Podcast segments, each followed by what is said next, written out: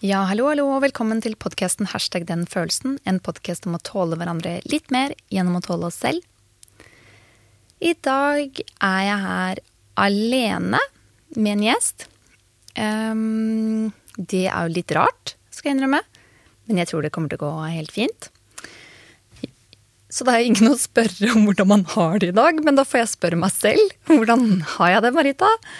Jo, jeg har det generelt sett eh, ganske bra. Jeg har hatt en veldig fin periode. Og så ble jeg veldig sint i går. Og det er en følelse jeg er ikke så veldig vant med. Så jeg driver liksom og prøver å eh, finne ut hvordan håndtere den, og hvordan navigere meg rundt i det. Prøve å akseptere det og liksom regulere handlingene, men ikke følelsen. Eh, og i dag så ble jeg litt sånn Jeg vet ikke. Det er et eller annet jeg ikke klarer helt finne ut hvordan Jeg vet ikke helt hva jeg føler. Og da tenker jeg egentlig med dette temaet som vi skal snakke om i dag, dette med bevissthet. Hva, bevissthet, hva er koblingen mellom bevissthet og følelser? Og i dag så skal vi ha en veldig spennende gjest. Eh, og det er rett og slett den personen som pleier å hjelpe meg med disse spørsmålene. Og det er rett og slett samboeren min. Jeg gleder meg til å snakke litt med Benjamin i dag.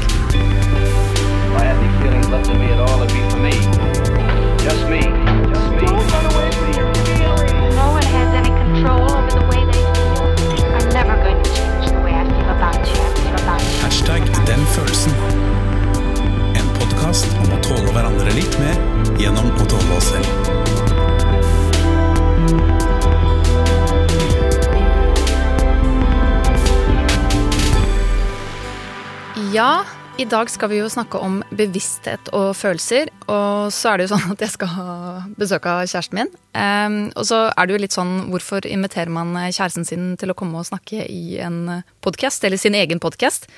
Det er jo en god grunn til det. Det er jo fordi du er ganske god på det her, Benjamin. Kan ikke du ta oss og introdusere deg selv? Ja, Først må jeg si at det er litt uh, spesielt og litt artig og kanskje litt rart å sitte og prate med deg, Marita, eh, sånn her vi gjør nå. Det har vi jo aldri gjort før. Men ja, litt om meg sjøl. eller ja, Benjamin Norgård heter jeg jo da. det som er relevant her, er vel å nevne at jeg har bakgrunn innenfor psykologi. Men ikke minst har jeg også meditert en del, eh, og starta tidlig med det. Um, og temaet bevissthet og følelse er jo noe av det mest interessante for meg i, livet, egentlig. Så det er noe som jeg har vært opptatt av veldig lenge. Um, og kanskje mer og mer av også, jo eldre jeg blir. Så eh, ja, føl, sånn sett føles det naturlig å, å, skal snakke om det.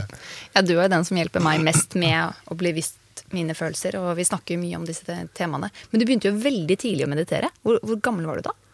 Eh, ja, altså det var jo litt eh, Litt eh, artig historie, kanskje. Ja, fortell den. Uh, altså, jeg var jo litt sånn som en typisk gutt, da, kanskje, kan man si. Da jeg var tolv år så var jeg interessert i kampsport og sånn. Syntes liksom ninja ninjutsu var spennende og virka kult og sånn.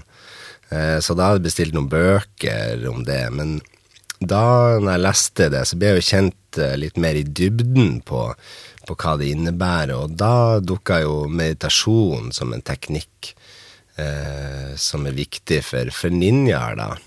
Eh, og, eh, og, det var egentlig sånn på en måte igjen først tilfeldig da at jeg kom inn på, på meditasjon. Eh, men jeg var jo fra jeg var enda yngre av interessert i, i de store spørsmålene i livet, eksistensielle ting. Eh, og, eh, og, sånn sett så fylte jo de bøkene her da et større behov enn jeg egentlig trodde når jeg først bestilte dem. Altså at jeg både fikk lære litt om det jeg var liksom motivert av først, som var kampsport, men ikke minst da eh, filosofien rundt ninjutsu og, og meditasjon, da. Så kampsport og ninjutsu er noe som, som jeg egentlig gikk fort ifra, da. Det var liksom ikke det som viste seg å være veldig interessant, mens jeg, mens jeg ble eldre og utvikla meg. Men meditasjon og bevissthetsutvidelse, som egentlig det meditasjonen gir, det er noe som har eh, blitt med meg hele livet. Og så er det ikke sånn at jeg har meditert veldig mye hver dag i hele livet. Det har gått litt i perioder, i ulike faser, men, men det har, eh, har, vært med meg. Og ikke minst forma meg veldig, eh, tror jeg. Og eh, ja, og derfor er det jo interessant da også med denne podkasten, hashtag den følelsen, og knytte da eh, bevissthet og følelser, for det tror jeg også er noe vi vet veldig lite om som innenfor vår kultur, da. I hvert fall hadde ikke jeg noe på skolen om, om strukturert opplæring i følelse av bevissthet. Det var først på psykologistudiene jeg ble kjent med, med det sånn sett. Eh, men samtidig, selv om vi ikke vi har ikke lært noe om det, på en måte, men det er kanskje noe av det aller viktigste for oss mennesker å lære om. Og det kommer vi jo litt tilbake til i løpet av samtalen, tror jeg, hva, mener, hva jeg mener med det. Ja, Hvis du kan forklare litt, hva er egentlig bevissthet? Ja, bevissthet Altså eh, Det er jo litt viktig å starte der. Bra spørsmål. Fordi bevissthet er jo noe Vi hadde jo det f.eks. på psykologistudiene. Og da sa vi på bevissthet ut fra et vitenskapelig synspunkt, gjerne. Også psykologisk teori fra ulike retninger. Men, men um, det som jo kommer frem, er jo at vitenskapen har egentlig problem med bevissthet. Det kalles jo, jeg tror det, var, det kalles noe sånt som 'the hard problem of science'. At uh, vi klarer ikke helt, vi har ikke funnet ut, kanskje ikke i nærheten heller fra et vitenskapelig ståsted, å skjønne hva bevissthet er, og ikke minst hvorfor vi har bevissthet ut fra et evolusjonsperspektiv, som jo er en dominerende vitenskapelig teorien om hvordan vi mennesker er og utvikler oss, så er det ingen gode forklaringer som vi mener på hvorfor vi egentlig skal ha bevissthet i det hele tatt. Og da kan vi jo også, kanskje det er jo kanskje litt nært knytta til også eh, hvorfor er vi her? Når vi spør oss spørsmålet som altså veldig sånn hva er meninga med livet, eller hva er hvorfor, hvorfor verden er vi med på det her som kalles livet, så er det jo egentlig kanskje det samme spørsmålet som hva er egentlig bevissthet? Fordi uten bevissthet så finnes jo ingenting for oss. Hvis vi er bevisst løs, så er det jo ingen tanker, det er ingen følelser, ingen opplevelser. Uh, vi kan jo kanskje ikke engang forestille oss hva bevisstløshet er engang. For alt vi vet, er bevissthet i en eller annen form. Så, ja, så, så det, er jo, eh, det er jo egentlig ja, veldig grunnleggende. Så alle følelser som denne podkasten handler om, er jo innafor rammene av bevissthet.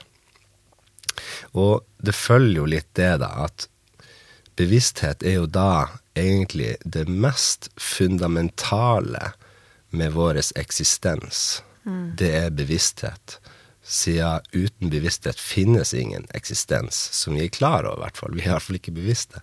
Mm. Eh, så vi er altså inne på kjernen i det som handler om å eksistere her. Eh, så derfor vil jeg jo si at bevissthet er noe av det viktigste mm. begrepet for oss mennesker knytta til I hvert fall knytta til, um, til, de store spørsmålene i livet. Mm. Um, så, og så har du jo også bevissthet sett ut fra et mer sånn østlig perspektiv. Eh, for eksempel som kommer fra for eksempel, altså zen eller buddhisme og, og, den slags, som jo har en helt annen historie enn oss i Vesten. Vi er jo veldig vitenskapelige, i hvert fall i nyere historie i Vesten. Og før var vi ganske filosofisk knytta til bevissthet. Mm. Mens uh, i Østen er de også mer kanskje knytta til spiritualitet. Mm. Eh, som, som, egentlig eh, fører til et annet perspektiv kanskje på, på, bevissthet. Jeg vet ikke om vi skal gå så dypt inn på det, da, men eh, ja, så, så, bevissthet er i hvert fall noe veldig sentralt. Men det er også veldig flytende, på en måte. Eller sånn, det er jo vanskelig det du mm, ja, ja, ja. For de lytterne som ikke følger og tenker 'oi, det her skjønte jeg ikke noe av'. Det er helt greit. For det, det er Det blir abstrakt, ja. Det er veldig abstrakt, ja. Vi skal prøve å dra det litt ned eh, i løpet av samtalen for å prøve å liksom konkretisere hva er egentlig bevissthet. For det er jo noe veldig sånn vanskelig, og i hvert fall med sånn som du sier dette med den vestlige tankemåten, at vi prøver å gjøre ting observerbart og veldig sånn så lenge vi kan måle det, nesten, så, så fins det. Og hvis vi ikke kan måle det, så fins det ikke. Eh, Ja. Fins det ikke, nesten. Eh, og, og der er Østen litt annerledes, da. Med, Ja. kanskje med, gjennom kanskje mer erfaringer. Ja, ja, ja. Det er helt, eh, helt riktig. Vi, vi i Vesten, og i hvert fall sånn som psykologi og, og perspektiv på psykologi i Vesten er nå, så prøver vi liksom å lære oss om følelser og bevissthet gjennom å utforske den ytre verden. Altså vi, vi gjør eksperimenter, vi gjør masse studier som gjør at vi på en måte skal kvantitativt måle eh, aspekter ved følelser eller bevissthet. Så det er jo én måte å prøve å samle kunnskap om følelser og bevissthet. Men så vi er inne på den østlige, eller der buddhisme f.eks. kommer fra. Da er vi inne på eh, f.eks. meditasjon, da. Eh, som en motsatt på en måte metode på å utforske følelser og bevissthet, nemlig å gå innover i stedet for å gå utover i den ytre verden. Og når vi går innover, så blir det også vanskelig å måle ting. Det, blir, det holder liksom ikke på et vitenskapelig vis. Så, um, så det er to helt forskjellige måter å forholde seg til både følelser og, og bevissthet. Altså gå innover eller utover. Og jeg kan jo si med min erfaring, som har begge eh, på en måte trening i begge, da, med, med psykologi fra et vitenskapelig ståsted på den ene sida, og meditasjon f.eks. som bevissthetsutvidende teknikk, og det å gå, som jo gå, gå innover på den andre sida, så vil jeg si at det er ingen tvil for meg at jeg har lært mer om de viktige tingene om følelse og bevissthet ved å gå innover i stedet for å, å gå utover. Så jeg føler vi i Vesten har mye å lære av f.eks. buddhisme eller østlig perspektiv på både følelser og, og bevissthet. Men jeg vil jo si at den komplementerer hverandre, og, og det er stor verdi å, å ha begge tingene med meg i, i min egen reise på å utforske mine følelser og, og bevissthet. Men vi i Norge, eksempel, vet, sånn som jeg ser det, eh, vi vet for lite om følelser og bevissthet i forhold til det at det faktisk kanskje er noe av det viktigste for oss alle er når det kommer til stykket. Um, Jeg kan jo i hvert fall si det at eh, i min reise også, for da jeg ble sammen med deg, så hadde jo ikke jeg Jeg hadde jo ingen peil Jeg hadde også psykologimaster, men jeg hadde jo ikke peiling på samme måte den innover-biten. Så det, der har jo du inspirert meg veldig med å begynne å meditere selv. Og, og da, det er da jeg har fått erfart at dette her er noe helt annet, men at det også komplementerer, sånn som du sier. Så jeg har jo gått i, i min reise har jeg komplementert eh, meditasjon og terapi, f.eks. Eh, og det har vært en kjempegod kombo. Men la oss gå litt tilbake til den koblingen bevissthet og følelser. Hvordan er den nære koblingen der? Ja. Ja, ikke sant. Hvor skal jeg begynne da? Altså, jeg lurer på om det blir riktig å starte da med altså, Først kanskje gjøre meg enda litt mer ferdig med, med bevissthet, så går det glidende over noe på følelser. Altså, eh, bevissthet så Vi kan jo si at vi har også forskjellige bevissthetstilstander, ikke sant. Typisk vanlig våken bevissthetstilstand. Vi har eh, drømmetilstand. Vi kan ha også ulike tilstander eh, som eh, påvirker f.eks. psykoaktive stoffer eh, og, og sånt. Altså det finnes ulike bevissthetstilstander. Det er jo én ting. En annen veldig sentral ting som nok er mer knytta til kjernen til det vi kommer til å snakke om her, er at vi også kan se på bevissthet som noe mer eller mindre. Altså vi har høyere bevissthet og lavere bevissthet. Vi varierer kontinuerlig hver dag mellom gå opp og ned litt i bevissthet i hva vi gjør og hva som foregår. Ja. Og, eh, og her er det jo også veldig sentralt med, med f.eks. følelser. Vi kan av og til være mer bevisst på følelsene våre, og andre ganger mindre bevisst på hva det egentlig er vi føler. Sånn som jeg var i går, og sånn som jeg er i dag? Ja, ikke sant? For eksempel. Ja. Og vi, vi alle sammen varierer jo, jo der. Um, og hvis vi skal si noe Hva som karakteriserer da høy bevissthet eller lav bevissthet, så er det mange, mange ting som vi kan se etter. Er jeg egentlig noe veldig bevisst, eller er jeg lite bevisst? Bare ved å stille det spørsmålet blir man mer bevisst. Eh, når man er veldig, eh, veldig langt Eh, man kan merke forskjell ikke sant? når man er veldig langt ned i tankespiraler, langt inn i tankene. Så er vi mindre bevisst på hva som foregår rundt oss, kanskje, kanskje, kanskje foregår i kroppen, og kanskje også litt mer avstumpa fra følelsene fordi vi er langt inn i masse tanker. Men plutselig så kan vi ta oss sjøl i at vent litt, hva i all verden er det jeg tenker på nå, det her er jo bare tull, nå må jeg prioritere annerledes. Det vi opplever da, er et lite hopp i bevissthet, litt sånn metaperspektiv, at oi, nå skjønner jeg at nå er jeg langt nede i tanker. Eh, så ble jeg mer bevisst bare av å skjønne det. Det å være, ha mye tanker og tankekaos er typisk litt lav bevissthet.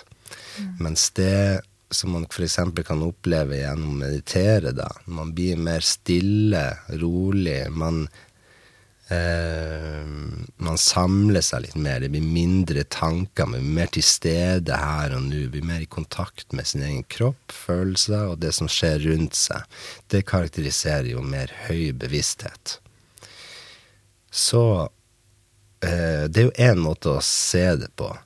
Eh, en annen måte også er å se for seg at når vi, vi har vi har ei hule, eller vi kan kalle det et eh, Når vi er lav bevissthet, så er vi egentlig nesten litt inne i et På en måte litt sånn psykologisk fengsel for oss sjøl. Eh, Hvordan da? Jo, altså du kan se for deg da at eh, du, vi, vi går inn i en mørk hule, da mindre bevisst på hva som skjer rundt oss, og, og, eh, og vi beskytter oss. Det på en måte Vi beskytter oss fra den, den, den farlige verden der ute. Eh, mens vi går ut av hula, så ser vi den store verden, alle mulighetene. Vi ser lyset og alt rundt der. Det er typisk altså det her blir jo en metafor da, på høy versus lav bevissthet. Så det å være ute i, og se den store verden med lys og mindre, mindre frykt. Eh, typisk litt mer bevissthet, mens det å gå inn i hula si, på en måte, da er vi inne i lav bevissthet. Og vi går inn i hula vår for å beskytte oss sjøl. Så lav bevissthet er egentlig en beskyttelsesmekanisme. Det kan være det fra farlige ting. Eller eh, det kan være det fra ting som er ubehagelig. F.eks. onde følelser. Og her er vi da inne i det sentrale, kanskje, som f.eks. meditasjon eller andre ting som utvider bevisstheten, kan gjøre at vi får kontakt med følelser som vi har følt syntes var skummel eller ubehagelig å kjenne på. Eh, og eh, så la oss si, da, hvis du setter deg ned og, og, mediterer Du kommer hjem fra jobb, det er stress, du har masse tanker som bare går på repeat. Kanskje har du til og med en sang som bare går på repeat i hodet. Vi kan kjenne oss igjen i sånne type ting. Og det, vi er egentlig i en stresstilstand, da. Og så for eksempel da ved å meditere, eh, så blir vi kanskje roligere og roligere. Eh, og, eh, og, vi blir mer bevisst både på det som skjer rundt oss, men ikke minst inni oss. Vi utvider bevisstheten til også å kunne etter hvert da også omfatte at vi går inn i underbevisstheten. Vi utvider bevisstheten til å bli mindre underbevisst, mer bevisst, og der ligger blant annet også undertrykte følelser. Eh, så det er jo en sentral måte på hvordan faktisk starte med ordentlig selvutvikling, som jeg vil kalle det. Mm. Det å få kontakt med, med, undertrykte følelser, som vi alle har til en viss grad, mer eller mindre. Uh, så, så ja, så her er vi da i kjernen på, på koblinga av bevissthet og, og følelser. Hvordan var den reisen for deg, da? Ja eh, Altså, jeg kan jo kanskje også bruke et praktisk eksempel, men, men det, det har vært en, en reise Når jeg var så ung og begynte med meditasjon, så hadde jeg nok ikke vokabulæret til å egentlig klare å beskrive de tingene som vi sitter her og snakker om. Eh, men i ettertid har jeg skjønt at jeg kjenner igjen ting fra, fra jeg var yngre, bare sånn at da ikke, ikke hadde et språk på samme måte. Så da han var 12-13 år, så hadde man ikke så godt utvalgt språk for å, for å, for å gi mening til seg sjøl hva det er egentlig som skjer. At det f.eks. er bevissthet som utvider seg. Eh, og en prosess med å utvide bevisstheten sin eh, vil jo også si bli mer kjent med seg sjøl og dybden i seg sjøl. Og det er jo på godt og vondt.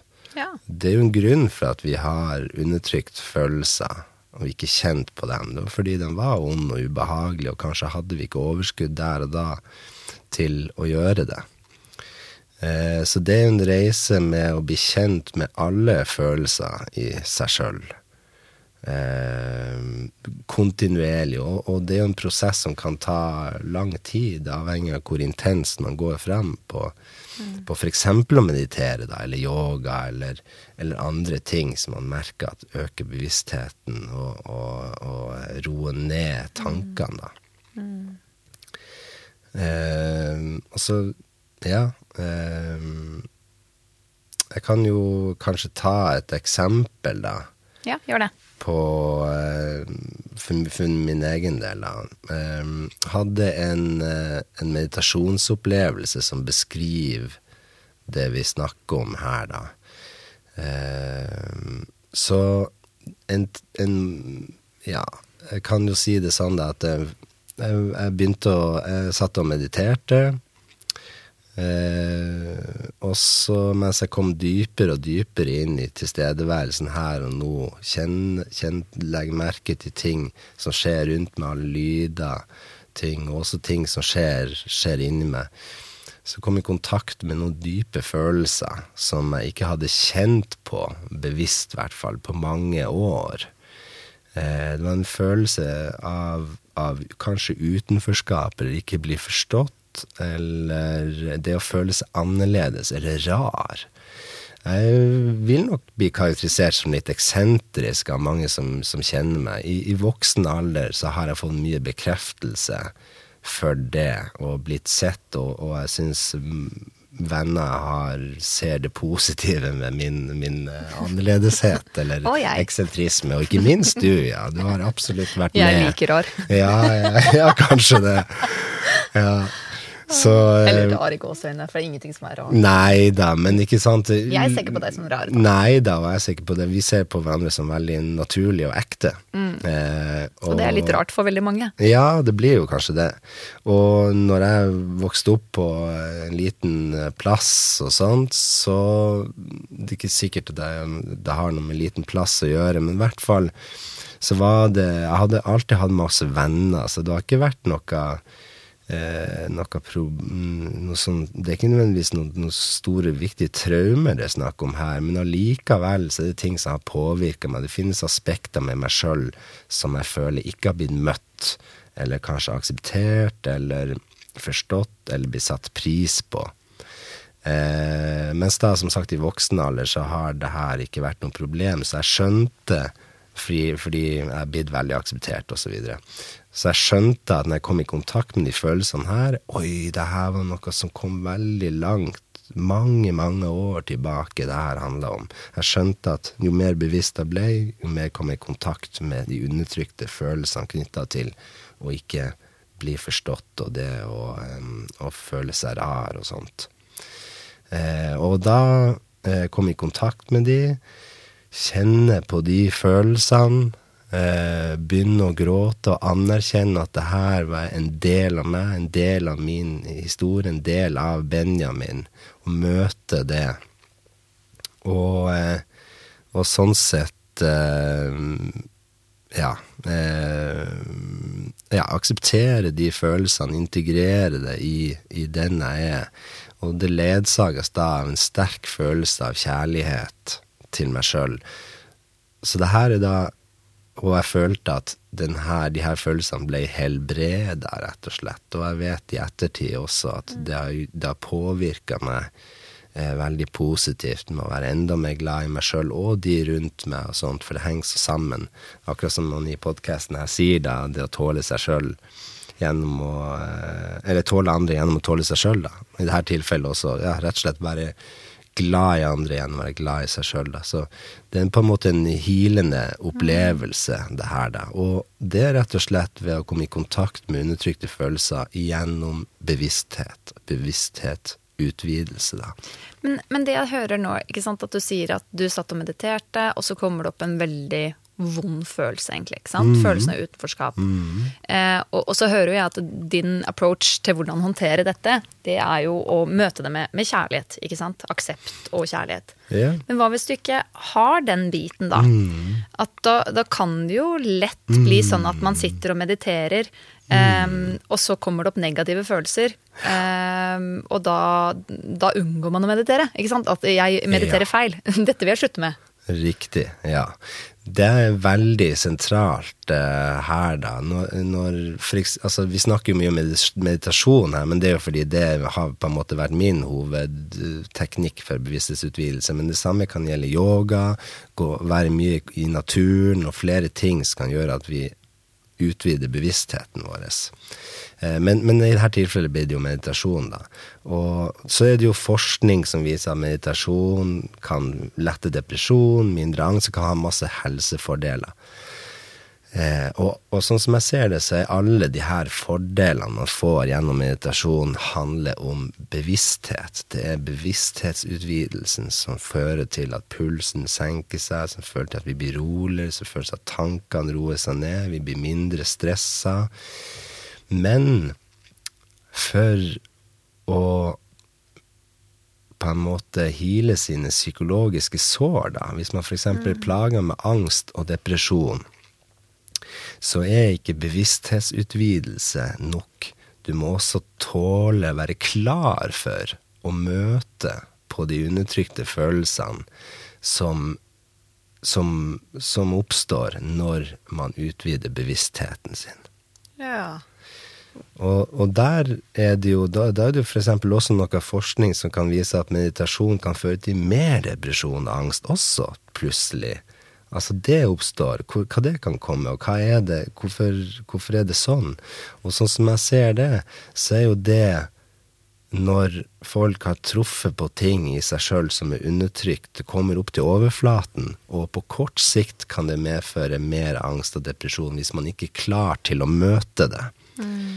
Og det her er jo også, hvis vi snakker om terapi, da Det, det psykologer gjør om de bruker, om de bruker samme vokabulær eller ikke som vi snakker om her, men det handler om å utvide De fleste psykologer, eller mange i hvert fall, vil si at det handler om, handler om å utvide bevisstheten til å få kontakt med undertrykte følelser.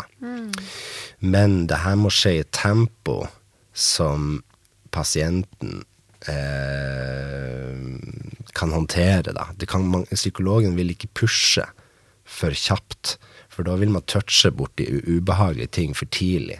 Og da vil man kanskje beskytte seg enda mer mot de følelsene. Nesten en form for retraumatisering kan, kan oppstå, som gjør at ah, ok, dit skal jeg ikke gå. Det var en grunn for at jeg hadde hadde undertrykt de følelsene, og de skal være undertrykt fortsatt, ikke sant. Så, så der bruker jo psykologen ofte mange uker kanskje på å bygge opp tillit, en trygg setting, trygg eh, kontekst, for å utforske følelsene sine. Ikke sant. Ja, så, så det, det er jo noen, noen ting også hvis folk drar f.eks.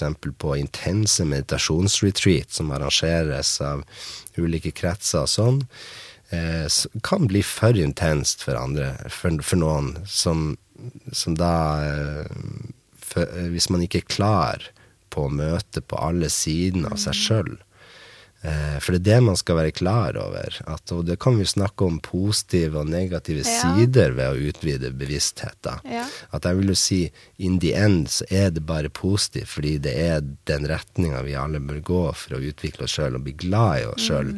Og, og bli lykkelig. Jeg vil si på en måte er det kanskje den eneste måten å gjøre det på. Det å få kontakt med alle sidene av seg sjøl og akseptere dem. Eh, ja. Jeg kan jo si litt om min erfaring med meditasjon også. fordi jeg husker I starten så skjønte jeg ikke helt hva jeg skulle gjøre engang. Vi kan kanskje snakke litt om det òg. Hvordan mediterer man faktisk? Men ehm, Så det starta litt mer sånn at jeg forsøkte å gjøre det litt, og så gjorde jeg det litt mer fast. Og jeg forsøkte å gjøre det litt hver dag.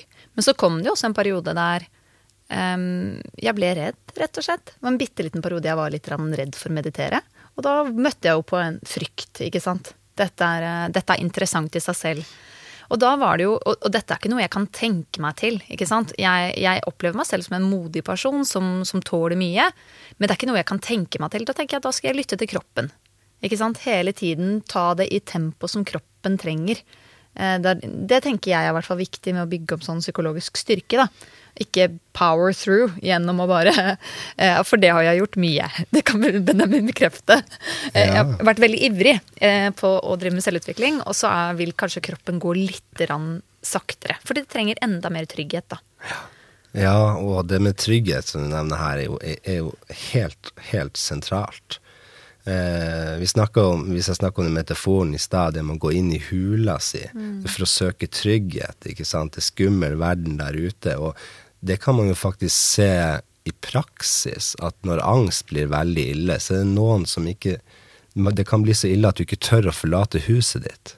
Og det blir det samme. Det å gå utfor huset i den store verden der, det er skummelt. Og det føles tryggere å bare være hjemme og ikke eh, leve livet, rett og slett. Eh, og det med trygghet her er jo da så sentralt, og det er det terapeuter er opptatt av å bygge opp. For trygghet er man nødt til å ha, både for å utvide bevisstheten og, bevisstheten og, og møte eh, onde følelser. Det går ikke uten trygghet, for da vil, vil bevisstheten bare snevre seg inn eh, og beskytte oss fra alt som er skummelt, så at vi bare blir inne i hula vår og, og tenker på ting. Eh, I stedet for å faktisk eh, få kontakt med de, de ubehagelige følelsene. Da. Men jeg vil også legge til dette med liksom at meditasjon i seg selv er jo veldig beroligende. Ikke sant? Så det å Ja, det kan dukke opp følelser der som, som kan være skumle eller, eller er, er vonde, da, men, men meditasjon i seg selv, opplever jeg i hvert fall, gir en sånn vil si buffer, eller det gir en type avstand. Det er som om jeg føler at jeg trener opp et lite mellomrom mellom meg selv og tankene og følelsene mine. Eh, Sånn at jeg klarer på en måte litt mer å um, Å føle lite opphold, egentlig. Det føles ikke så tett, så intenst, så uh, forknytt. Så ja. Jeg vet ikke hva om du kan si noe om det? Ja, ja det, du identifiserer deg mindre med tankene, ikke sant. Når vi er dypt langt inn i tankene, så, så får vi en opplevelse at vi er tankene. Og tankene er virkelighet, og det tankene sier, er det som vi skal forholde oss til. Mens når vi kommer i en rolig tilstand, da, som f.eks. meditasjon kan hjelpe med, så ser vi kan se tankene mer på utsida, og se det som eh, at det ikke nødvendigvis er den vi er, eller at det ikke er sannhet som tankene kommer med. Man får på en måte eh, Ja, man kan se det litt mer på, på avstand. Man kommer mer i kontakt med følelser og kroppen, mens tankene blir noe man observerer. Og det blir mindre skummelt. Alle tankene blir da mindre påtrengende. Eh, ja. Jeg har et eksempel. For eksempel at før så kunne jeg føle at verden var litt skummel når jeg var redd. Ikke sant? Det er farlig. Eh, mens etter at jeg begynte å meditere, så kunne jeg bli mer bevisst på at og nå er jeg redd. Gjerne igjen, men nå er jeg redd. Eh, og det er noe annet enn at det er farlig, derfor bør jeg bli redd. Ja. Men, men nå er jeg bare redd, og det trenger ikke nødvendigvis å stemme med virkeligheten. da. Det treng, verden trenger ikke å være farlig. Ja. Er det et Det er greit vel, eksempel? veldig godt eksempel. Ja, ja, akkurat. Eh, akkurat. Mm. Ja. Og så er jo i hvert fall opplevelsen, hvis man skal ta litt sånn konkret eh, Jeg liker å være det. eh, dette med eh, hvordan bevissthet oppleves. For min del har det vært veldig sånn at jeg våkner. Ja. At det føles ut som om jeg på en måte har vært veldig sånn søvnig og borte. Og plutselig så liksom våkner jeg litt, og så blir det sånn Å ja, her var jeg. Ok, og det er her jeg sitter på denne sofaen, eller det er, det er i dette rommet jeg er i, eller det er, det er jo med deg jeg er med, eller at det er liksom en sånn Sånn som du sa da jeg kom ut av hula, at man ser liksom verden litt Ja. eh, rundt seg, da. Mm. Men ikke som en sånn 'jeg søker her ute', men det bare kommer litt sånn naturlig. Ja. Ja, ja nei, men det er, det er akkurat det. Altså, forskjellen på lav og høy bevissthet er um, hvor våken er du nå, egentlig, Ja, i det som okay. foregår, både i deg sjøl og, og rundt deg.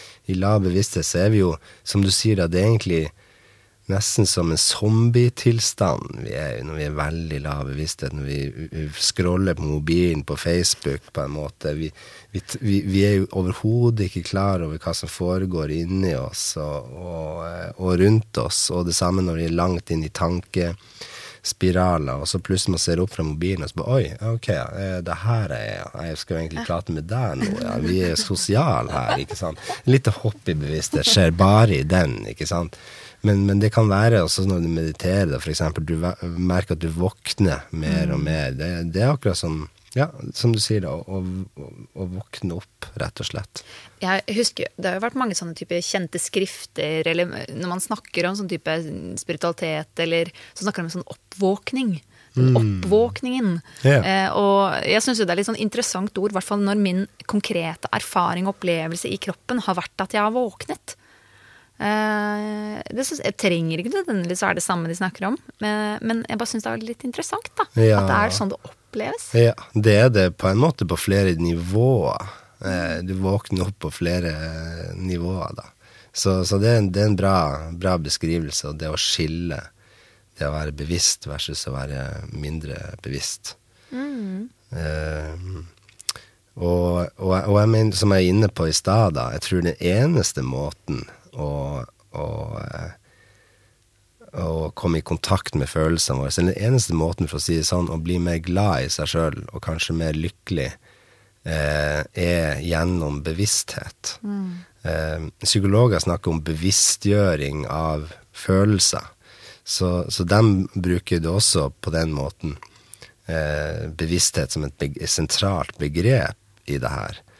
Eh, Men jeg vil også si at eh, vi har mye å lære fra Østen på å, og, på, på å se som bevissthet som noe enda mer sentralt. Da. For eksempel eh, så hadde det vært Jeg er helt overbevist om at folk som går i terapi, går til psykolog eksempel, eller, ja, eller uansett hvilken måte man skal komme i kontakt med seg sjøl og, og, og få det bedre, så kunne f.eks. meditasjon eh, hjelpe. F.eks. hvis du mediterer før du går til psykolog, så er du mye mer klar til å møte på ubehagelige følelser som kan oppstå i samtalen med en psykolog. Hvis du drar til en psykolog rett etter jobb og er stressa, så vil du ha masse forsvarsmekanismer der som fører oss inn i lav og snever bevissthet, som gjør at vi ikke klarer å få tak i undertrykte følelser og, og ting som har vært eh, ondt, som er grunnen til at vi har det ondt i dag. Ehm, Men at man er for sliten, liksom. At systemet er litt sånn ja, og man er i en stressreaksjon. Det er Ja. akkurat som man beskytter seg sjøl. Eh, det er forsvarsmekanismer som står i veien. ikke sant? Og Psykologer snakker jo om forsvarsmekanismer også. Det handler om å roe ned forsvarsmekanismene som gjør at undertrykt følelser eh, tanker kan, kan komme opp til overflaten, som gjør at man kan deale med dem, bli kjent med dem, få en forståelse for dem og, og akseptere dem og integrere dem i den man er, som gjør at man kan gå videre i livet med på en måte eh, med mindre bagasje, da, eller i hvert fall å håndtere den emosjonelle bagasjen sin eh, bedre. Men jeg vil jo si at, at, eh, at det går an å ikke bare håndtere bagasjen sin bedre, men også bli helt kvitt den. Altså rett og slett helbrede seg sjøl gjennom bevissthet og komme i kontakt med dype følelser. Eh, for noe som også ledsages av mer bevissthet, er en følelse av fredfullhet, kjærlighet. Og det er jo min opplevelse at det er det som faktisk helbreder psykologiske sår. Det å, det å kjenne på onde følelser, og så få ut utslipp for dem, så, så, kommer ofte en følelse av fredfullhet. Man blir roligere. Man, kroppen signaliserer at 'det her var bra for deg'. Gjør det her mer. Du får følelse av kjærlighet til deg sjøl, omsorg for deg sjøl. Og det er det som er hilende, i, i mangel på, på, et bedre ord, kanskje.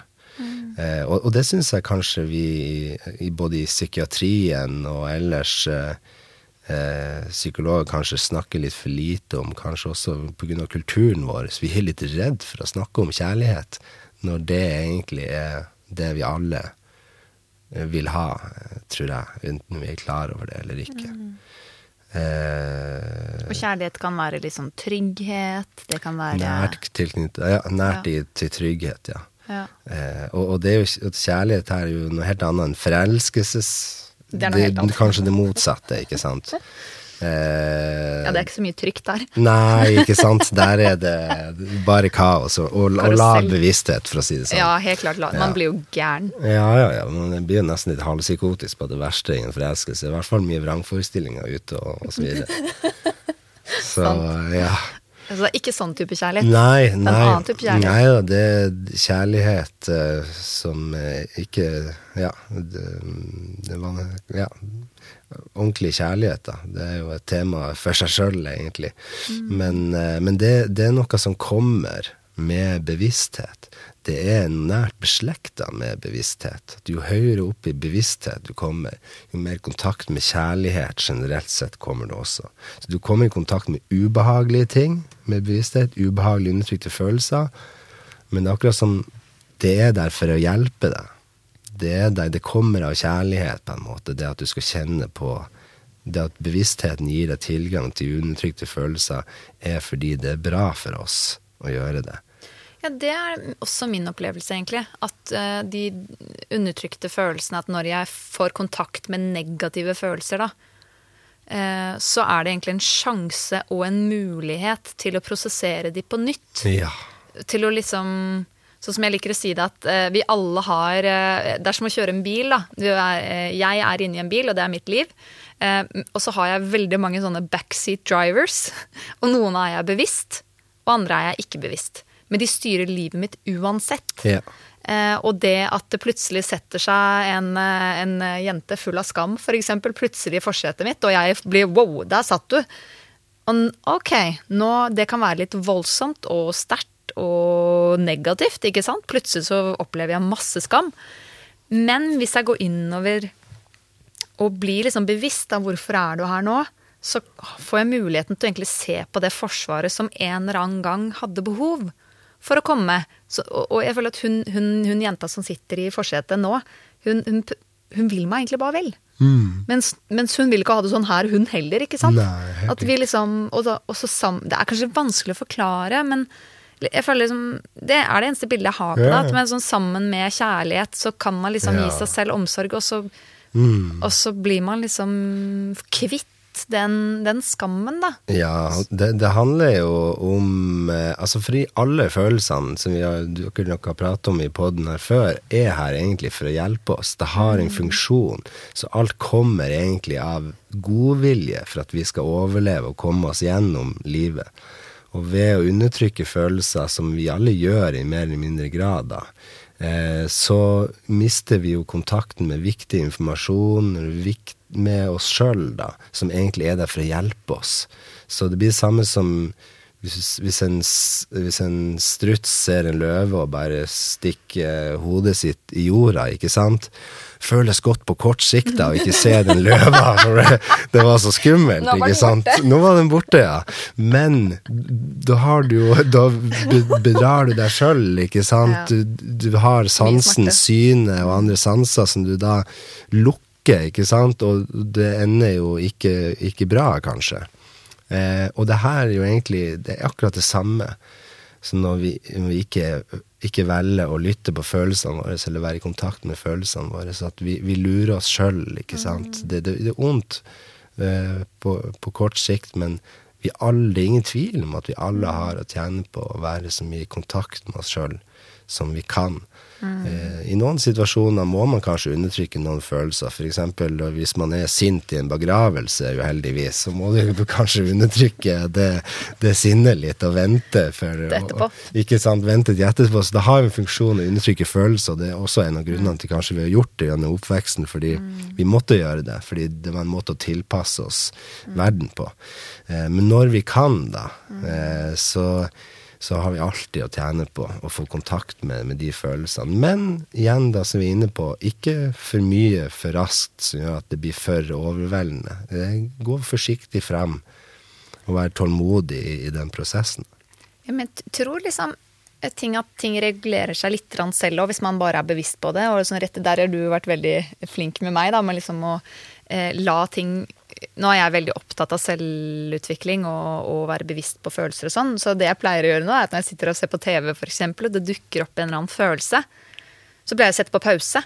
Eh, bare for å føle den følelsen. For da tenker jeg nå er kroppen klar. Nå har kroppen lyst til å føle denne følelsen. og skal i hvert fall ikke jeg eh, forsvinne vekk til noe som ikke er så veldig viktig. da. Eh, I hvert fall når du bare sitter og ser på TV. Det er jo Ja. to totalt uviktig i mitt liv. Og Ja. i hvert fall når jeg kan også sette på pause. Ja, ja, ja. Um, og at jeg da liksom sitter og føler litt på disse følelsene frem til de er ferdige. Så tenker jeg ok, da, da kan jeg se videre.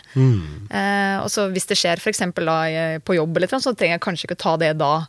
eh, hvis ikke jeg har mulighet til å ta en liten pause. Men, eh, men at det skjer litt Hvis du ikke har de følelsene, da. Hvis du ikke er helt i kontakt og ikke har Så jeg tenker, når følelsen det prøver å si, når følelsen dukker opp, og du har tid, sett av tiden til å føle på følelsen, fordi følelser vil bare bli følt. Det er liksom det eneste de vil. Eh, og har du ikke tid, så kan du vente li- litt seinere, selvfølgelig. Og føler du ingenting, hmm, kanskje ta og meditere litt. Mm. Hvis du ja. har tid. Ja. ja, det er grunnen til at vi, hvis vi føler at vi ikke kjenner på noe Nei, jeg er ikke i kontakt med noen følelser nå, jeg er egentlig ganske apatisk eller likegyldig, eller comfort, comfortable numb, som Ja. eh, jeg vet ikke om det var Pink Floyd eller noe sånn eh, sang om. Um, Det stemmer, det. så, så kan vi Så finnes det altså måter for oss å komme i kontakt med de følelsene. Da har jo selvfølgelig terapi med psykolog, det er én metode å gjøre det på.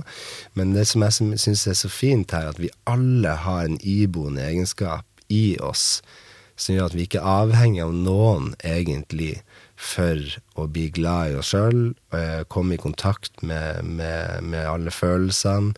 Eh, Det er noe vi alle kan gjøre helt på egen hånd, eh, f.eks. gjennom meditasjon. Eh, Og det er jo en, en veldig fin, fin ting å ta med seg. Eh, Man, det er bare en sjøl det, det står på, sånn sett.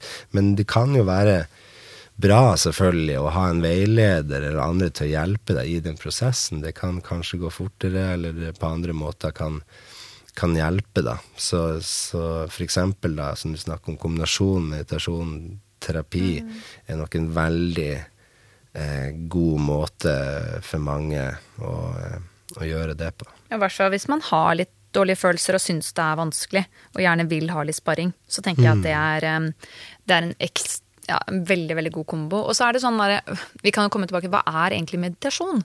For det er sånn, Hvordan mediterer man egentlig? Ja. Eh, og kan, kanskje du kan fortelle litt om det, for jeg bruker jo en app. Jeg bruker Headspace. Ja. Det fins jo mange apper der ute. Ja. Og da får jeg jo egentlig litt sånn guiding.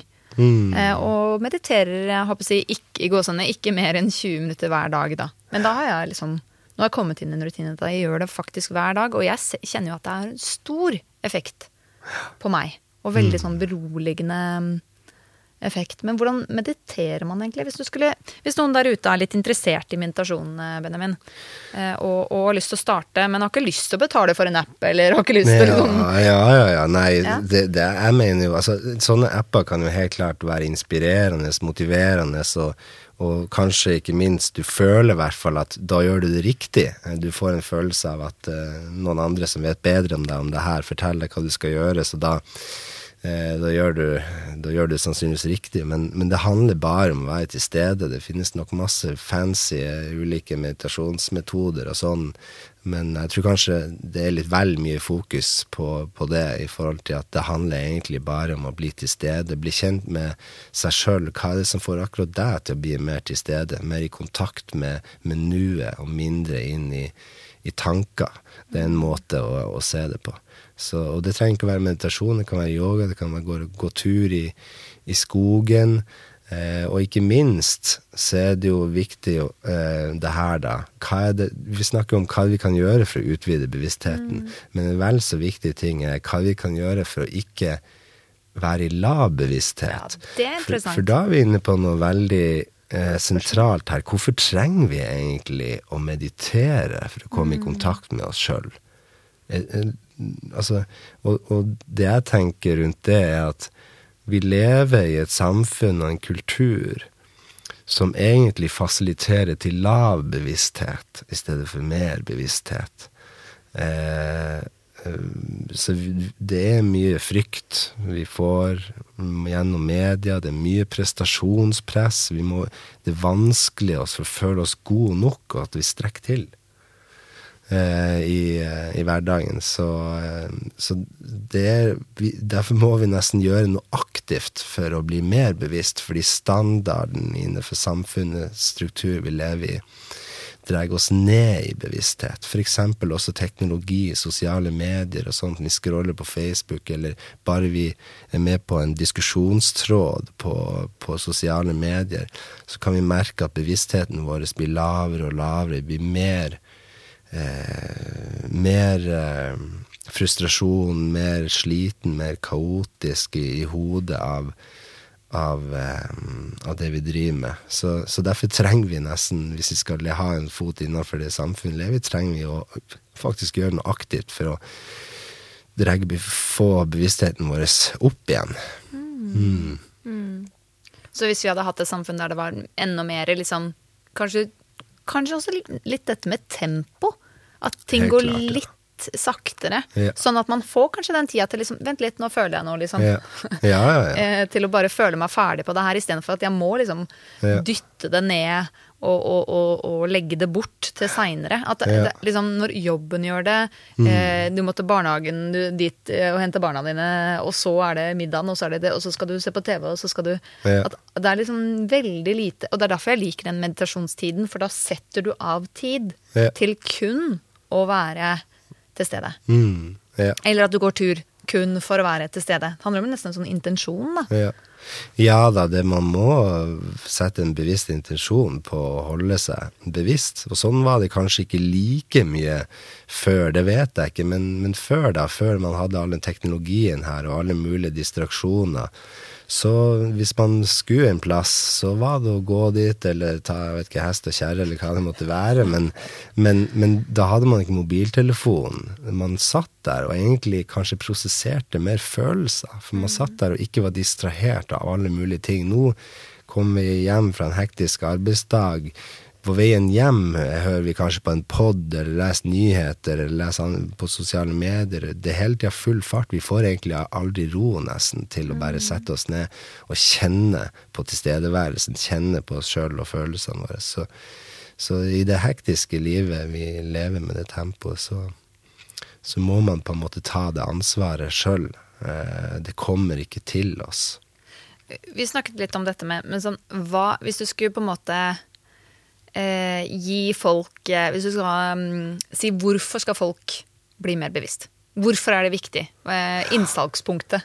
Ja, ok. Ja, da er vi helt uh, inne i det mest grunnleggende spørsmålet. Hva er, det, hva er meninga med livet? Hva vil vi med livet? Ok, Vi kan vel sikkert være enig i at vi ønsker å være lykkelig. Eller vi ønsker å ha det bra, ikke sant? Kanskje også mange vil si man ønsker å utvikle oss. Eh, og ikke minst, vi ønsker kjærlighet. Alle de her tingene kommer bare gjennom bevissthet. Det er, som jeg ser den eneste veien til å bli bærekraftig, lykkelig, ha jevn tilgang til kjærlighet, og ikke minst utvikle seg. vi kan ikke utvikle oss uten å være bevisst. I hvert fall ikke i riktig retning. For da vet man på en måte at ok, jeg gjorde dette, og disse tingene jeg velger hver dag å gjøre, det er dette som gjør meg lykkelig, kontra at jeg ubevisst har egentlig ikke peiling på hva jeg driver med, og så skjer det litt tilfeldig. Er det det du tenker, liksom? Ja, og, og vi blir som sagt automatisk dratt ned i bevissthet. Ja, ikke sant. eh, i, i de omstendighetene vi er i, i det samfunnet vi, vi lever i. Men eh, en annen ting som jeg, vi sier Når jeg sier at eh, lykke kommer gjennom bevissthet, som mener bærekraftig lykke, da. Altså lav Tilfredshet, liksom. Ja, og, og at det er ubetinga. Det handler ikke om du har gjort noe bra, eller om at du spiser noe godt, eller du ser noe spennende på mobilen eller TV-en. Det er bare å ha det bra uten grunn, da. Og det kommer gjennom bevissthet. Og det som skjer da, er at man ikke har noe behov for noen av de andre tingene som man trodde man hadde trengt. Man har ikke behov for så fine klær eller større bil eller større hus, eller å prestere så godt eller føle seg god i noe, fordi man er god nok som man er.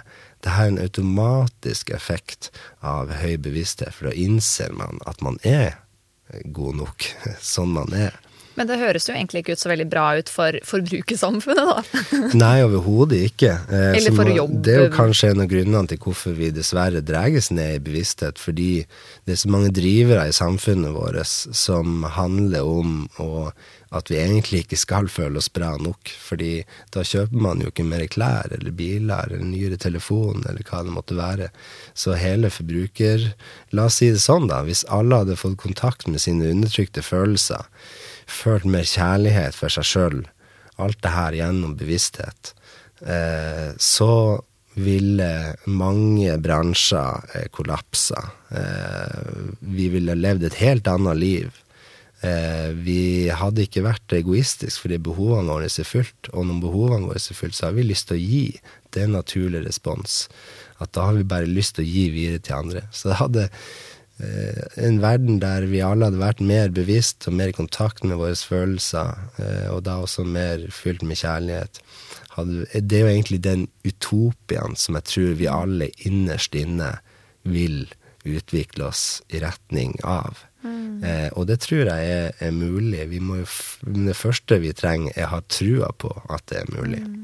Og, og det her vil da føre til minimal med lidelse i verden. Minimal med, med krig.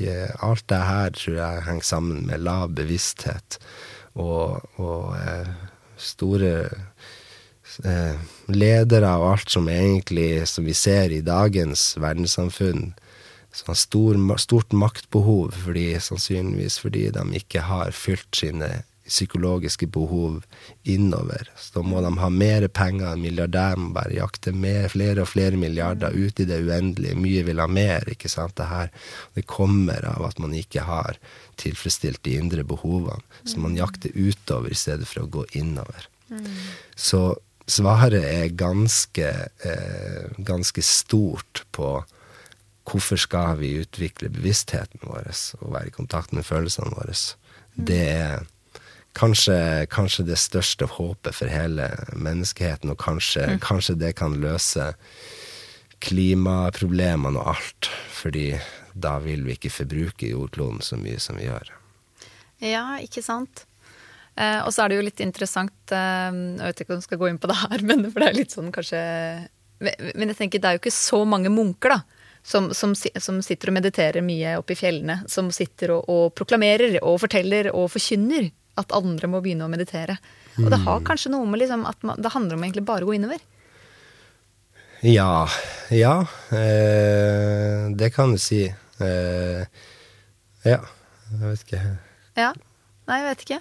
At det er en sånn eh, eh, at, at det ikke nødvendigvis er så liksom lettselgbart, på en måte. Nei, det er sant det. Altså, vi prøver å løse verdensproblemer ved å brannslukke der ute, da.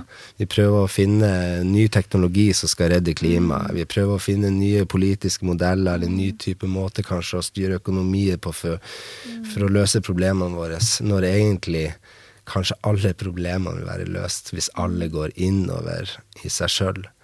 Eh, så vi prater jo i dag egentlig om kanskje noe av det aller viktigste for mennesket som individ, samfunn, og kanskje som art. Altså menneskeheten som helhet. da. Det her er det sentrale. Det er på en måte svaret på våre problemer. Eh, både individuelt og på alle nivåer.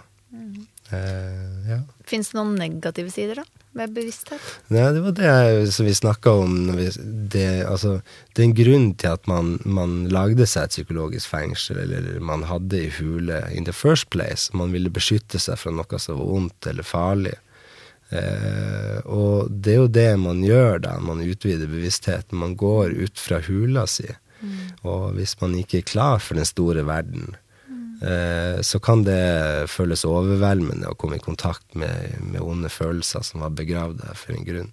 Så det, det er jo det, det potensielt negative Men jeg vil ikke si at det er negativt i det store bildet. Det er på en måte den eneste veien til, til bærekraftig lykke og kjærlighet. Mm. men på kort sikt så kan det jo være negativt i den forstand for at du kan I begynnelsen kan livskvaliteten gå ned, da, ikke sant, hvis du kjenner på onde ting. Så det er jo på en måte det potensielt eneste negative, sånn som jeg kan se. Det er litt som strutsen som da tar opp hodet igjen og ser løven, får panikk, og det er veldig ubehagelig, Ja, men ja, men kan da få mulighet til å løpe. Ja, det blir jo akkurat det samme. Det kan være negativt akkurat i sekundene der man må innse at løven eh, er farlig på vei mot deg. Mm. Men det er på en måte den eneste Det er en, det eneste riktige. Ja, ja. Eh, Men vi snakka om, om, eh, om det med følelser i ulik bevissthetstilstand. Liksom, høy bevissthet, da er det med kjærlighet, det er trygghet, det er tilfredshet. Det er ikke noe jag eller behov for noe. Ja, ok, Så hvis man er i høy bevissthet, så har man disse følelsene. Ja, det kommer. Eh, altså, det veksler kanskje mellom undertrykte følelser, som er bra for oss uansett å kjenne på, men også følelser av trygghet og kjærlighet. Eh, altså, som Ja. Så, så, eh, så det er det som kjennes med høy bevissthet. Og, og når vi snakker om lykke, da, så er det jo høy bevissthet som gir bærekraftig lykke. Ubetinga kjærlighet og trygghet og den, og den grad. Og ikke sant? Da har man ikke noe behov for noe annet, egentlig.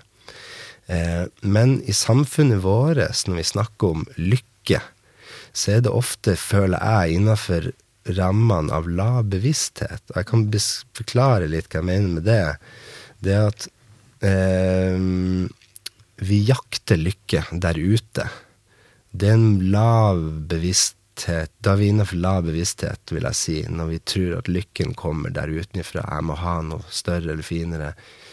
Eh, bil, eh, kjæreste, ny kjæreste, eller eh, eh, som bare Altså overfladiske ting, da. Altså, ny kan være mer, mer, mer riktig uansett, selvfølgelig, men hvis man er opptatt av, eh, av utseende og, og hvordan man blir sett på utenifra, da. Status, liksom. Status, for eksempel, eller rusmidler, eller andre ting, da. Eh, det som man Det som gjør, man, gjør at man får lykke midlertidig av de tingene der, da, når du shopper nye klær, da, eller shoppe en ny bil, eller eller, eh, eller vinne en konkurranse, eller prestere godt på jobb. Ikke sant? Det som gjør at vi får Eller spise godteri. Eller spise godteri. Eller ha sex. Det er, jo, det er jo noe som heter dopamin i hjernen vår, som skilles ut da. Så alt det her, eh, ytre stimuleringer til lykke, er sambind med dopamin, da. Og det er det samme stoffet som skilles ut i oss vi, hvis vi er påvirka av kokain amfetamin, og også alkohol, da. Eh, så det er på en måte, dopaminet er på en måte vårt naturlige rusmiddel.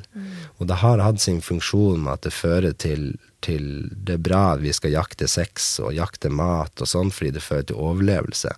Men det er et evig jag. Så hvis vi prøver å være lykkelige innenfor lav bevissthet, så er det aldri bærekraftig. Det, det, det vil hele tida være et jag etter mer. Det vil fluktuere. Det vil fluktuere opp og ned hele tida. Som en sånn jojo- Som en jojo-effekt. Og etter en opptur kommer en nedtur. Så det å lure Litt sånn seg sjøl. Ja, ja, ja. Uten at jeg kan nok om det. Jo, jo, jo, jo. Det, blir, det, det kan man si. Kanskje det er en sammenheng der eh, Det også.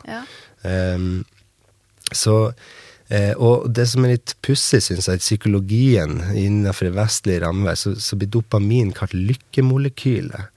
Og det syns jeg er et symptom, kanskje, på hvor vi som samfunn eh, ser på lykke, da. Vi tror vi trenger et dopaminkick for å bli lykkelig. Dopaminkick, som sagt, da mener jeg det vi får av sex, god mat, gaming, eh, vinne konkurranse, prestere godt. Alle ytre tingene som, som gir oss en midlertidig god følelse. Det kraftige rushet. der du liksom, rushet der du har lyst til å hyle og juble, ikke sant? Ja. det kicket eufori. Eh, men det trenger vi ikke lenger hvis vi er i høy bevissthet, for da har vi iboende kjærlighet og trygghet der, som gjør at vi på en måte går og smiler mer konstant, da, for å si det enkelt. Eh, og det er dit vi egentlig alle vil, tror jeg, enten vi er klar over det eller ikke. Og dopaminjaget, eh, at det er alle de ytre tingene her, det er en form for kompensering for at vi ikke har den indre tryggheten eller kjærligheten vi tror vi trenger noe, noe annet der, eh, der ute. Så, så man, det går an å være lykkelig midlertidig i lav bevissthet, men den vil alltid gå over fram til du må finne en ny, eh, ny ytre stimuli for å, for å opprettholde en god følelse. Og når du ikke har det dopaminkicket, så har du bare enten apati eller onde følelser i den lave bevisstheten. Så, så det er jo liksom ingen tvil om at det er høy bevissthet vi alle skal gå etter. Eh, ja. Men la oss si at du ikke har tid til å meditere, da. Eller godt, og ikke har lyst til å gå i terapi heller, for den saks skyld. Hva kan man gjøre, sånn helt konkret, akkurat nå? Hvis man står her og hvis, Når man hører på den podkasten, står og vasker opp eller kjører bil eller eh, Mm, godt, uh, godt poeng. Sånn som jeg gjør det, da. Eh, når vi snakker om meditere, så betyr ikke det nødvendigvis å sette seg ned og, eh, og sitte med beina i kors og sitte på en måte best practice med ryggen og alt det der. Det trenger ikke å være det. For min del så prøver jeg å være bevisst i det meste jeg gjør. Altså, når jeg, når jeg henger opp klær, for eksempel, så jeg merker jo at tankene kommer og drar meg ned i bevissthet og fokuserer på et eller annet eh, som egentlig sikkert ikke er så viktig i det store bildet. Så prøver jeg å dra meg inn, akkurat som jeg gjør med meditasjon når tanker kommer. Eh, så er det sånn hele tida, ok, tilbake til nuet. Her kom en ny tanke, ok, den er grei, eh, observere den, men tilbake til nuet, ikke sant. Fokus, bevissthet. Du kan også observere tankene, da, men, men, men det å ikke bli lost i tankene, da, man, man, eh, eh, man går mer tilbake til nuet og tilstedeværelsen. Eh, og det f.eks. når man henger opp klær, eller uansett hva man gjør som ikke krever at man må analysere og tenke mye, så kan man altså meditere egentlig kontinuerlig. Når jeg går tur, eller går til jobb eller møte eller til venner, Det kan være bevisst hvert skritt jeg tar, bevisst lukta i gata, bevisst arkitekturen rundt meg, bare være i nuet. Så kommer det tanker og drar meg ned i bevissthet, men så tilbake sammen som vi gjør med meditasjon, ok, kommer masse tanker der, trekk bevissthet til nuet igjen. Så det kan man egentlig gjøre hele, store deler av dagen, kan man egentlig gjøre denne øvelsen. Og så er det kanskje litt tiltak man tenker i begynnelsen, at å, det høres slitsomt ut å skal drive og, og kjempe imot sine tanker på en måte og sånt. Men eh, det handler ikke om eller, å kjempe, kjempe imot tanker, da. det handler egentlig bare om å akseptere nuet, da, akseptere tankene. Men eh, det, er, det er mye mindre slitsomt å prøve å, å hele tida trekke seg tilbake til nuet enn det å være på en måte lost i, i tankene. da. Ja, jeg, jeg opplever det som er litt som å trene på en måte eh, en muskel. Ja, trene opp ja, magemusklene, det- på en måte. ja. og at man trener opp den muskelen som, som blir bevisst på her og nå. Og, og, eh, og ser tanker som dukker opp, da. Og at man ikke følger de nødvendigvis, men blir sånn Der var du. Og at, og at det å tenke, og at det flyter, og det er ikke noe galt i det. Nei, nei. Men bare at man ser det. Oi, Ja. der så jeg det igjen. Ja, Ok. Bare trekke seg litt opp, på en måte. Få se det litt ovenifra. Ja, sett litt i meta. Se Jeg kan meta. se f.eks. hvor innmari mye jeg planlegger. Ja. Eh, hele tiden når jeg mediterer. Og så, Dæven, nå er jeg inne i en planlegging igjen. Eller kanskje en, en samtale jeg aldri har hatt. Kanskje aldri skal ha heller. Men går veldig inn i manuset på hva som skal bli sagt. Og så kan jeg plutselig bli bevisst Oi, nå gjorde jeg det igjen.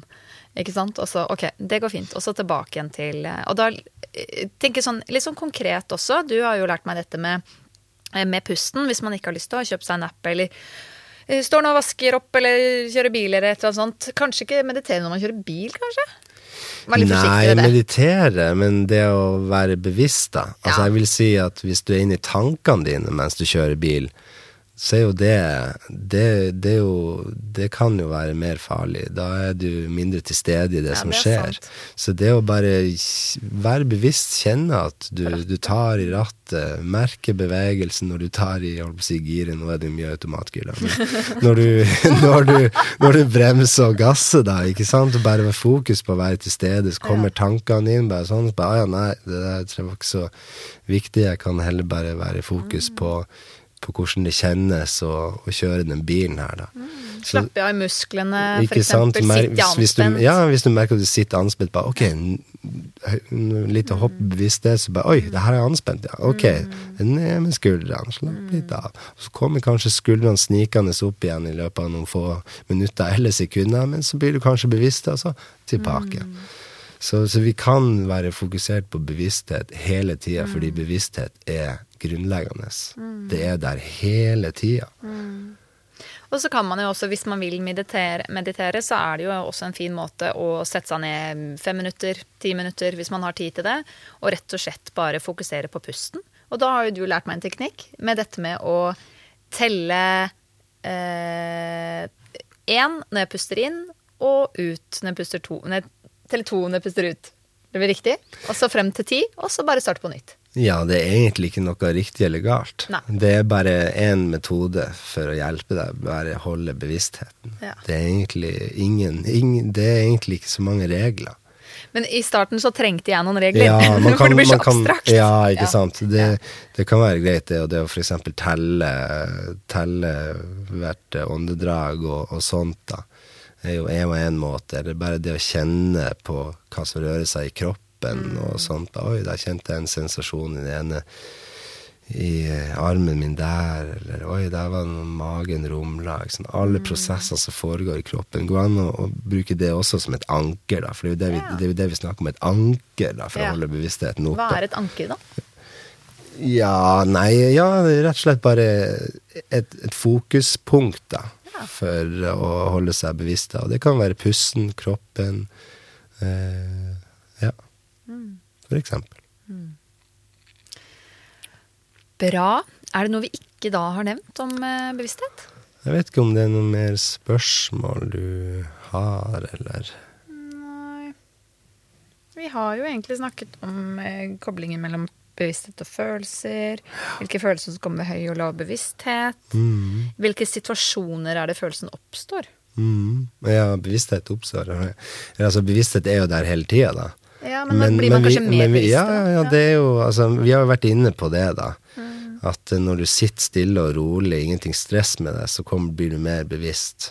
Når du, når du er en stressa situasjon, så blir du mindre bevisst, mer i overlevelsesmodus og vel snever bevissthet, for du, kroppen, hele systemet, dreier deg i retning av at du må fokusere på akkurat den tingen her nå, for, for, at, for at ting skal gå bra, for å si det sånn. da. For eksempel hvis det kommer en, eh, en bil mot deg, du går over gangfeltet, ikke sant, så snevrer seg, bevisstheten din seg mot akkurat den bilen, fordi den truer din overlevelse her og nå.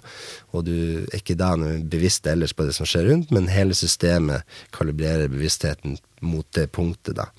Så, og det er egentlig sånn bevisstheten eh, fungerer, da, når du er, eh, må komme enda mer i overlevelsesmodus. Men det skjer jo også når du ikke nødvendigvis når det kommer en bil mot deg. Det kan være ting som egentlig ikke er så farlig, men som indirekte påvirker overlevelse. Som f.eks. det å føle sosial tilhørighet, for å ikke, ikke bli utstøtt av en gruppe, har jo vært viktig for oss for å overleve. Så derfor er det veldig viktig for oss å, å bry oss om hvordan vi blir sett av andre. Og eksempel da når du står og prater foran en forsamling, så snevrer bevisstheten seg veldig og inn i overlevelsesmodus, og du får økt puls og alt det her, fordi du blir så fokusert på at det her er så viktig, da. Mm. Så, det å, så stress er jo lav bevissthet, og ro blir jo mer høy eh, høy bevissthet. Og, så alt som, alle situasjoner som på, får det med i stressnivå, da får det ned i bevissthet. Og alt som får det i rolig nivå, rolig, får det opp i bevissthet. For å si det litt enkelt, da. Det er iallfall en veldig god eh, veldig god eh, pekepinn, og veldig mye av det vi gjør i dag, er jo stressbetont og får oss ned i, i lav bevissthet. Mm. Så vi trenger å, å, ta livet mye mer med ro enn det vi gjør, som du var inne på i stad, det med tempo mm. i, i, i, i, livet vårt. Ja, at det um, Det er liksom eh, Det er ikke noe mål Jeg hadde kanskje mer det før. Det er derfor jeg kan eh, kjenne meg, i hvert fall kan si det fra mitt eget ståsted, da, at før så handla det mer om å, om å prestere og eh, klare ting, mer enn å på en måte ha det bra, da. Ja. Kanskje mer jeg ville gjøre det bra og ikke ha det bra. Ja. Nødvendigvis. Mens ja. nå har jeg snudd litt mer på det, egentlig. Fordi jeg ser at ja, selvfølgelig kan jeg gjøre 100, ha 100 baller i lufta på én gang. For jeg klarer det, og jeg og liksom skulle bevise at jeg kunne klare det, kanskje. Mm. Mens, mens, nå er, er, ikke det der behovet for å bevise at jeg kan det lenger. Nå er det mer hva, hva, hva har jeg lyst til? Og hva vil kroppen min egentlig? Ja. Hvilket tempo er mest behagelig å være på, der jeg både klarer å og det jeg ser, det syns jeg er kjempespennende. Det er da jeg får mest energi. Det er da på en måte moroa og leken og, og flowen kommer, og kreativiteten, ikke minst. Ja, og kanskje til og med også prestasjon. Nettopp. Og det er det jeg ser. Mm. Jeg, jeg, på en måte jeg har prøvd å gå inn i en situasjon med stress, og inn i en situasjon med ingen forventninger i det hele tatt. Og det jeg ser, er at egentlig det er ganske likt. Mm. Lik prestasjon på ting som ja, er på en måte ja, ja, Og det jeg ser da, at for en waste. Hvorfor, uh, hvorfor skal jeg stresse meg selv opp når jeg mest sannsynlig når gjør det like greit? Det, når du kan ha det morsomt og leken og sånt, ikke sant. For det ene er jo lystbetont og dreves av lekenhet, det andre er fryktbasert. Mm. Eh, så, så, eh, så, Men det skillet her som du snakker om her, da, hvordan du var før versus nå, det er typisk indikator på at du er blitt mer bevisst. Mm. Du har økt bevisstheten din. Altså, det er ikke sånn at det er en konstant tilstand. Vi alle fluktuerer. Det går opp og ned hele tida. Men vi kan se forskjell generelt sett på bevissthetsnivået vårt hvis vi, hvis vi har utvikla oss i riktig retning, da. Mm. Så kan man si at du er mer i høy bevissthet nå enn du var før. Jeg opplever det selv òg. Ja. Jeg tror du kanskje opplever det òg, ja, ja, du som bor med meg. helt klart. Ja, ja, helt klart. Det, det er betydelig, betydelig, forskjell. Og det har du jo absolutt uh, gjort en jobb, eller Du, må, du, må, du måtte ta det ansvaret sjøl for, mm. for, å komme dit. Det skjer ikke av seg sjøl. Ja. Nei, og etter man er sånn 25, så er jo ferden Hjernen er jo ferdig utvikla. Så liksom det du gjør på en måte etter det, har jeg liker å tenke er, det du må liksom ta litt initiativ til selv. At dra den derre For det, frem til 25 så jobber jo hjernen, og den, den liksom blir på en måte ferdig utvikla. Men sånn etterpå så kan du Masse spennende som kan skje hvis du tar litt initiativ eh, og, og blir litt interessert selv. Da. Og for meg har det vært å gå innover. Ja, jeg vil vel si at hjernen ikke er ferdig utvikla når man Nei. er 25, da. Men, eh, og den men du tenker nok... på plastisitet og sånn? Eller? Ja, den er, men det her er det litt morsomt når vi er inne på det, da. Ja, det er interessant. At hjernen din kan være mer eller mindre fast, og, og, det kan skje lite utvikling etter en viss alder, kanskje ja. rundt 25. I hvert fall mindre utvikling.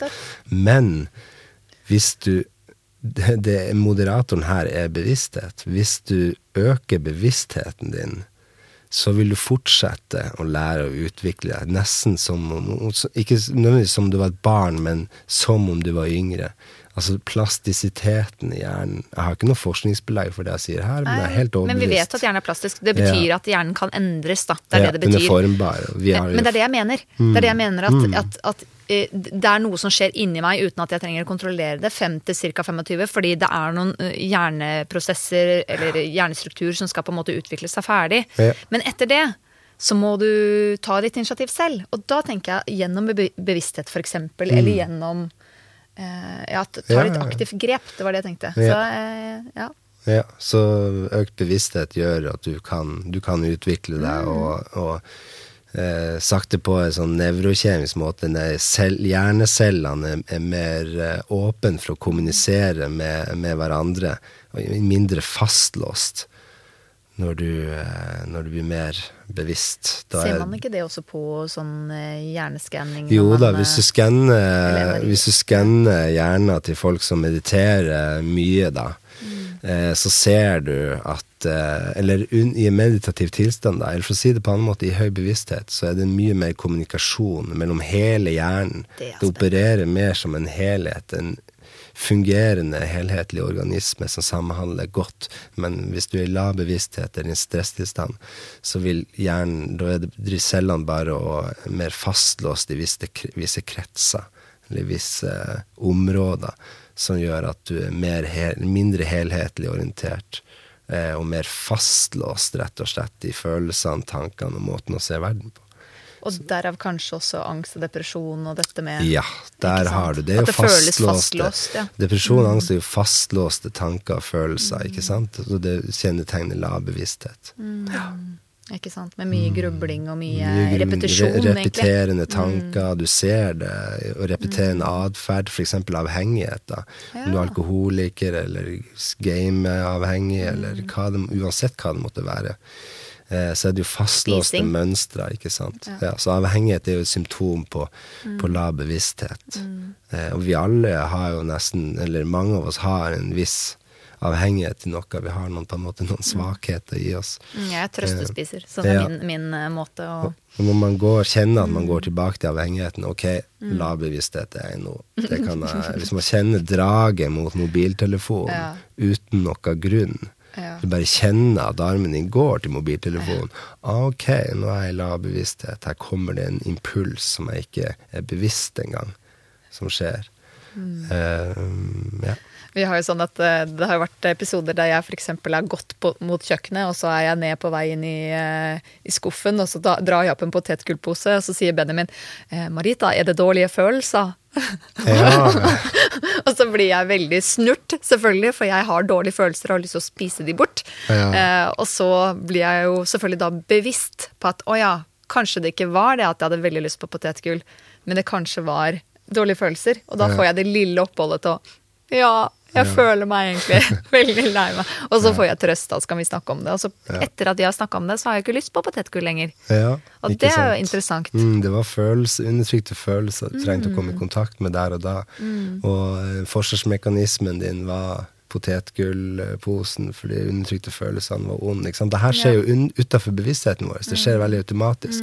Men veldig godt praktisk eksempel på og, og det, det, det her var potetgullpose for deg, det kan være mobiltelefon Ja. for en annen, det kan være et rusmiddel for en tredje person. ikke sant? Trening. Men, men alle de ting Overtrening. Overtrening, over, arbeidsnarkomani, alt, Ja. som er ute av balanse, ikke sant, kommer, som jeg ser det, av at vi ikke vi, gjør det automatisk for å heller unngå eh, noen onde følelser som kan som truer oss.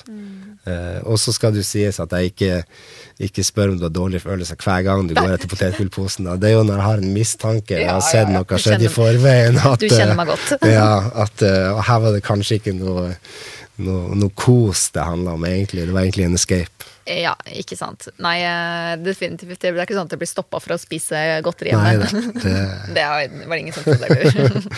nei. Nei, nei, men du kjenner meg godt der. Um, og så er det jo fint å bli litt sånn bevisstgjort, da. De tingene selv. Fordi det er jo sånn at det, potetgullet smaker jo faktisk ikke noe godt heller. Det er jo fordi jeg er jo ikke til stede, for det Nei, første. helt riktig. Og ikke har egentlig lyst på det, for det egentlige behovet er noe annet. Ja. Det er å egentlig så har jeg lyst til å se på denne eh, personen som kommer fram i, i for, Jeg har egentlig lyst til at denne undertrykte personen, den forsvarsmekanismen, skal komme fram i en eller annen følelse i bilen min, så jeg kan sitte og se på den og, og trøste den. Eh, og, og ikke egentlig spise potetgull. Og noen ganger så har jeg bare lyst på potetgull, og det er jo helt greit. Og da Ja, koser jeg meg maks med den potetgullposen. Og, og her har du forskjell på om, om det er bruk eller misbruk da, av godteri. Ja. Og av alt, ikke sant. Misbruk det kommer av en ubalanse. Mm. Mens kos og det å unne seg noe, noe man kan gjøre når man eh, er i, i balanse. Og som du sier, det potetgull smaker engang ikke godt. For du er, vi er jo egentlig nesten i en litt sånn zombie-tilstand, som sagt, når vi er i lav bevissthet. Vi sitter bare der og spiser potetgull, og plutselig er det borte, og du husker ikke om du nyta det, eller om det var hva det var i det hele tatt. Nei. Eh, så Det er akkurat sånn det oppleves, faktisk. Ja. Akkurat en sånn zombie eh, Og det føles Og, og så etterpå kommer eh, veldig ofte negative følelser. ja. Fordi jeg spiste Skyldfølelse, kanskje. skam, og, skam og fordi man egentlig ikke fikk dekka det behovet man trengte. Ja. Men som sagt Og da er det for seint, ikke sant? Ja. Ja. Mens når du valgte det andre alternativet, få kontakt med følelsene, prate om ting, så blir behovet på potetgull borte. Og det her gjelder alle ting. Det her, I ditt tilfelle var det potetgull. I andre tilfeller er det hva som helst andre ting som, som eh, får oss til å prøve å unngå undertrykte følelser. Og, og vi er ikke klar over det her, som regel. Vi er ikke klar over at undertrykte følelser vi egentlig eh, vi egentlig flykter fra. Fordi vi er ikke bevisste. Nei. Men økt bevissthet, f.eks. hvis du har meditert i, i en time, la oss si, eller spesielt når du har gjort det en del og kommet inn i det og, og eh, får sterk effekt av det, så ser du det her live. Du kan se det her utspille seg, at oi, her kommer det en impuls som går på å ta fram den mobiltelefonen her. Jeg kjenner at denne impulsen er fordi det ligger noen følelser her som jeg ikke vil kjenne på. Så bevissthet er det helt det sentrale for å skjønne hva det egentlig er vi driver med, og hva som foregår i oss. Ja, det er jo liksom som å se klarere. Ja, ja, ja. bevisst. Opp, Være bevisst Ja, noe. Det, Det er ikke noe mer hokus pokus enn det. nei, nei, nei, Nei. det er ikke det. Nei. Hm. Veldig spennende, Benjamin. Ja, det er artig å, artig å prate om det her. Det er veldig, veldig interessant. Så eh, jeg kan jo av og til bli litt eh, abstrakt i måten å kommunisere på, så vi får jo se Om folk skjønner det? om, folk- om folk har fått det her med seg, eller om det er vanskelig. Vi har jo i hvert fall kommet med noen praktiske eksempler. og sånt. Så. Så, men det, det er tung materie, det her, og vi vet så lite. Sikkert mange lyttere som ikke har så stort referansepunkt for det vi snakker om her, eh, så det kan være kanskje litt tungt å, å høre på og, og sette seg inn i og forstå alt det vi snakker om. Jeg vet ikke.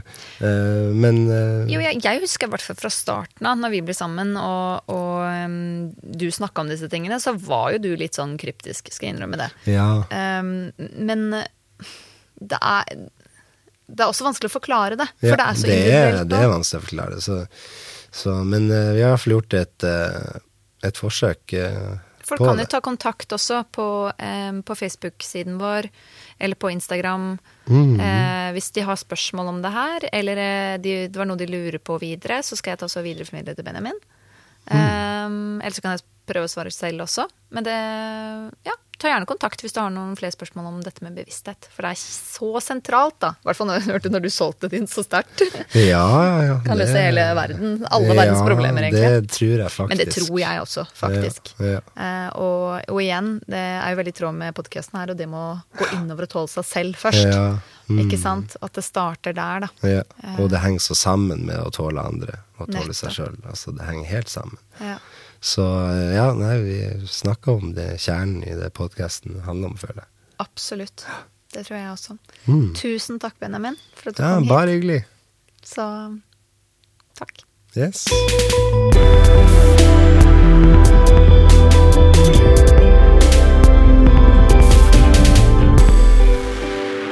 Ja, da har vi um, Benjamin og jeg snakket om bevissthet, faktisk. Eh, og det er et um, veldig I hvert fall i min prosess, da, som jeg har jobbet med meg selv, eh, så har bevissthet vært eh, utrolig viktig for å kunne um, ivareta meg selv. eh, og også se, gå litt innover og bakover, egentlig. Og så se litt hva, hva som skjer på innsiden av meg. Eh, og det tenker jeg er en fin intro til det som kommer de neste episodene. For vi har rett og slett laget en miniserie om tilknytning. Eh, og da tenker jeg bevisst dette er utrolig viktig å ha med seg. Når man skal våge å kjenne litt etter og tenke litt bakover på hvordan man har hatt det som man var liten, og hvordan det påvirker deg nå når du er voksen. Så følg med. I had any feelings left in for me. Just me.